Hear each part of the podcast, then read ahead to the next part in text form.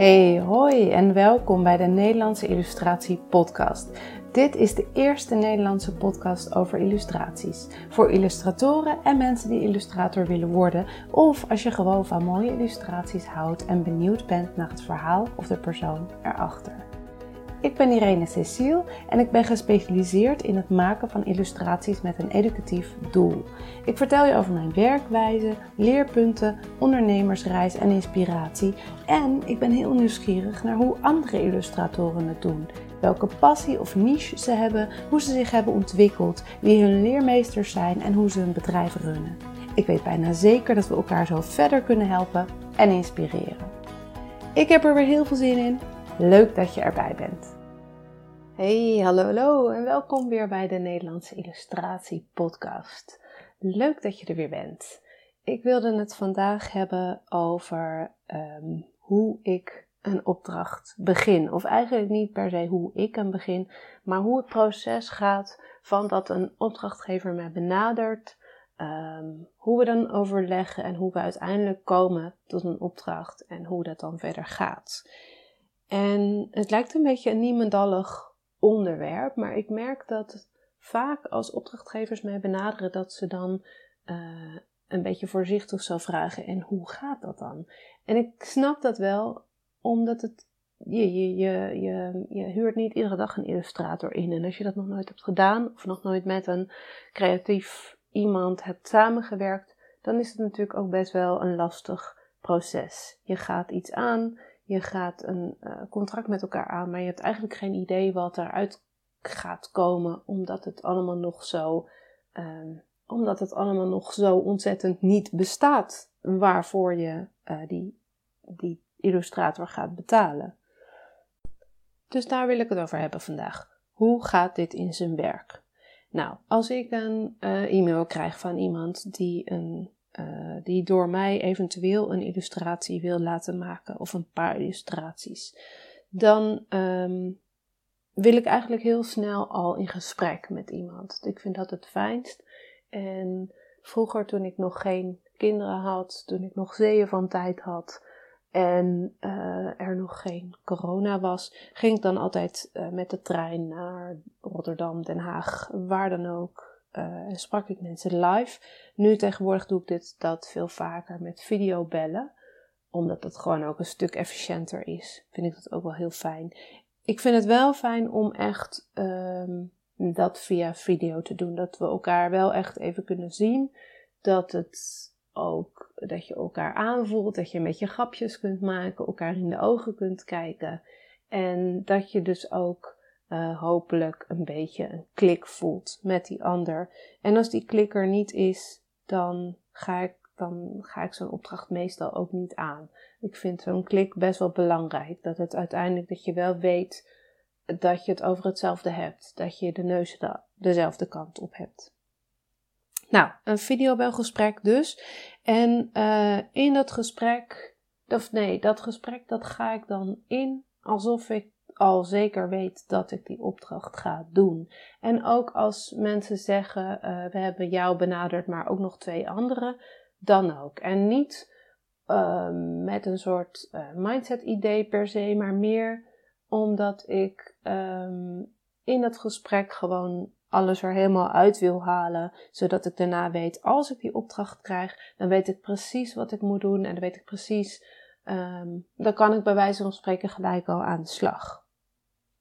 Nou, in zo'n gesprek vind ik het fijn om uh, ten eerste een beetje een idee te krijgen van de organisatie en de cultuur en het, het doel van zo'n organisatie.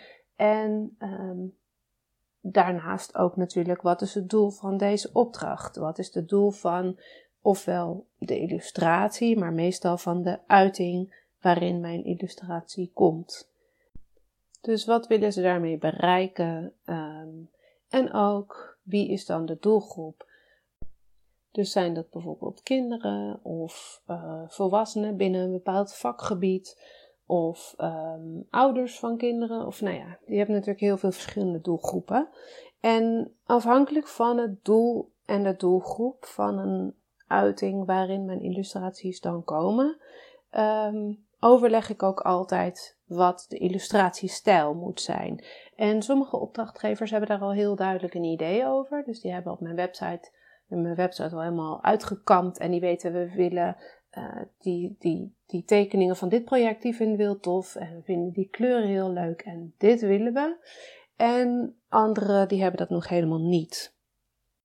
En allebei is natuurlijk goed. Maar waar het meer om gaat, is dat we dus afstemmen, past uh, een bepaalde illustratiestijl bij het doel van je uiting en bij de doelgroep. Dus voelt een doelgroep zich serieus genomen door een bepaalde illustratiestijl of het gebruik van kleuren of een bepaalde uitstraling?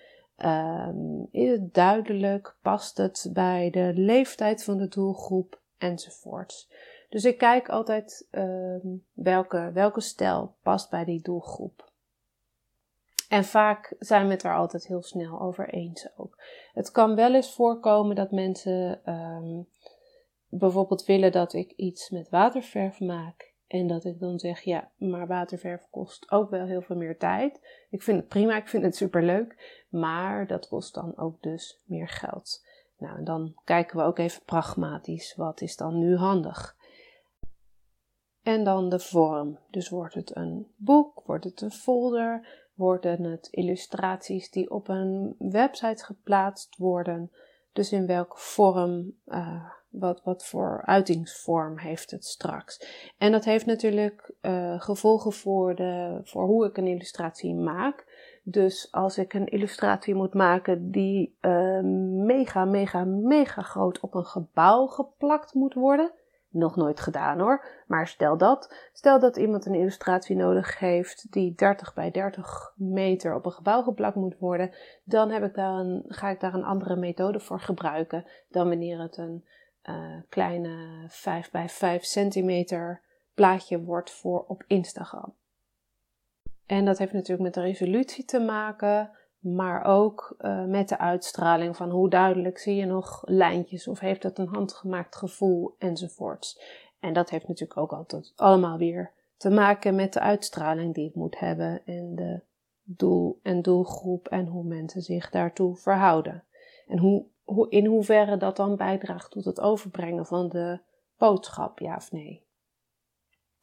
Um, dan de vormgeving, dus een, een boek of een folder of wat dan ook moet vormgegeven worden.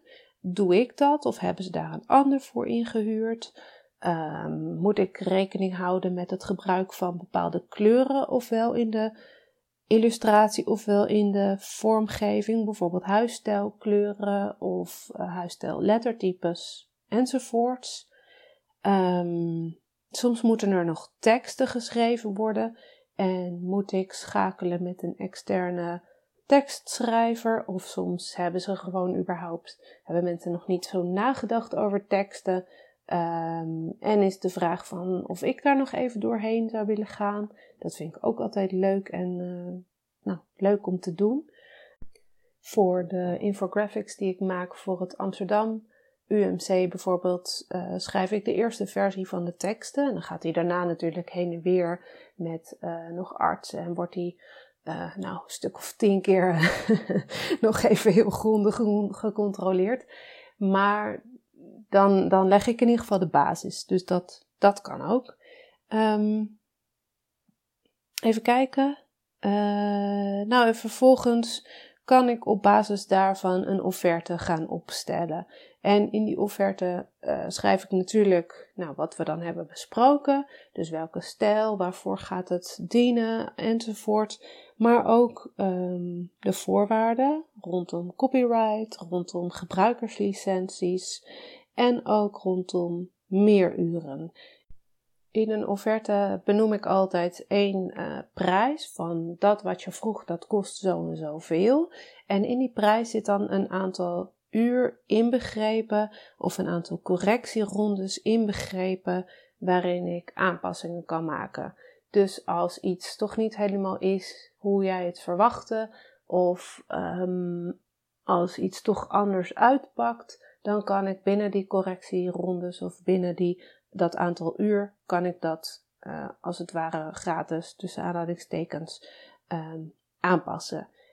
Maar als het daar buiten gaat, dus als ik uh, meer dan bijvoorbeeld die uh, vijf uur daaraan heb besteed, dan ga ik meer uren in rekening brengen. En ik zeg dat altijd van tevoren. Die, de, de prijs per uur staat dan ook in mijn offerte. Maar ik zeg ook altijd aan die, aan die opdrachtgever op dat moment: joh, nu is dat aantal uren voorbij. Die heb ik besteed. Dus nu moeten we, moet ik meer uren gaan rekenen. En hoe ik dat dan doe, is dat ik een online um, Google spreadsheet heb. Dus gewoon een Excel-tabel, maar dan via Google. Dat ik daarin mijn meeruren zet en dan ook de kosten. En die opdrachtgever kan daarin gewoon inloggen en steeds uh, kijken hoeveel extra dat is. En daar kunnen we natuurlijk ook afspraken over maken dat ik dat we van tevoren zeggen dat hij bijvoorbeeld, um, ik zeg even hij, het zijn vaak vrouwen trouwens, dat hij of zij dan um, zegt uh, meer uren is prima, maar als het meer dan 100 euro, extra wordt, dan moet je me echt even een seintje geven. Of nou ja, zoiets. Dus dat is natuurlijk allemaal mogelijk. Um, en dat hangt er natuurlijk ook vanaf. Het is um, als je me een opdracht geeft van teken een auto. Um, en ik had bedacht, nou, daar ben ik ongeveer een uurtje mee bezig. Dus dit zijn de kosten. Dan, um, als dan blijkt dat ik daar niet één uur mee bezig was, maar vijf uur. Dat, die kosten ga ik natuurlijk niet rekenen. Want ik dacht, ik ga een auto tekenen, dus ik teken een auto voor jou. En die kosten, die blijven hetzelfde. Het is alleen op het moment dat ik een auto heb getekend en een opdrachtgever zegt dan, uh, ja, uh, leuk, mooie auto, maar bij nader inzien willen we toch liever een fiets. Komt wel eens voor. um, dan, nou, kijk ik eerst of het binnen die aantal uur kan die inbegrepen waren. En zo niet, dan ga ik daar wel meer uren voor rekenen. Nou, ik hoop dat dat duidelijk is. En um, nou, dan heb ik dus een offerte. Die stuur ik op, meestal gewoon per mail. Vroeger deed ik dat echt nog uh, heel officieel op de post met een postzegel. Vond dan altijd leuk, maar dat doe ik niet meer. um, uh, en als de opdrachtgever akkoord is, dan ondertekent hij de offerte uh, ook vaak digitaal of gewoon even een mailtje terug. hey, helemaal akkoord. Prima. En dan gaan we aan de slag. En dan begin ik meestal met hele grove schetsen maken. Hangt een beetje van de opdracht af hoor, want soms is dat niet nodig en is het eigenlijk gewoon heel duidelijk. Um, als iemand zegt, uh, teken deze uh, blauwe Fiat Punto, Punto ik weet echt helemaal niks van auto's. Ik weet niet waarom ik nou dit als voorbeeld noem. Teken deze Colorado-kever in deze en deze stijl en zo groot. Nou, dan kan ik gelijk aan de slag. Dat is super duidelijk. Maar um, als het wat uitgebreider is, dus teken een bepaalde uh, setting in een café met zoveel mensen daar en die drinkt bier en die zwaait naar die. Dat is natuurlijk wat vager. Dan ga ik dat eerst in uh, nou maak ik daar eerst een grove schets van. Echt met een soort stokpoppetjes. Meestal gewoon met uh, potlood op papier. En dan schets ik, of dan, dan fotografeer ik dat of scan ik dat en stuur ik dat op. Kunnen we daar nog even samen naar kijken? Is dit wat je in gedachten had of moet er nog wat dingen anders? Nou, dat, zo'n eerste schets kost me vaak niet zoveel moeite, dus die kan ik nog makkelijk aanpassen. En als dat dan akkoord is, als, daar, als we daar overeenstemming hebben, dan ga ik hem uitwerken. En meestal doe ik dat dan digitaal. En is het, um, kan ik relatief makkelijk, maar ook weer niet super makkelijk, daar ook weer correcties aan maken in de vorm. Maar sowieso in de kleur is dat vaak wel makkelijk. En dan komt er een punt dat iedereen gewoon heel tevreden is. Dan ronden we het af en dan uh, is het klaar. Nou, dat was het uh, abrupte einde van deze podcast. nee, ik, um, ik hoop dat dit zo duidelijk was. Het is misschien een beetje een gekke aflevering, maar ik merk dat hier vaak vragen over zijn van opdrachtgevers. Dat die toch bij het beginnen van het geven van een opdracht een beetje niet zo goed weten wat ze moeten verwachten en hoe zo'n proces gaat. Dus ik hoop dat dit wat duidelijkheid heeft verschaft, dat het, het, dat het de drempel tot het uh, geven van een illustratieopdracht aan wie dan ook verlaagt. Um, en dat er uh, mooie resultaten gaan komen. Dank je wel weer voor het luisteren. Mocht je nog vragen hebben, opmerkingen, ik hoor ze graag en um, tot een volgende keer. En dat was het weer. Dank je wel voor het luisteren.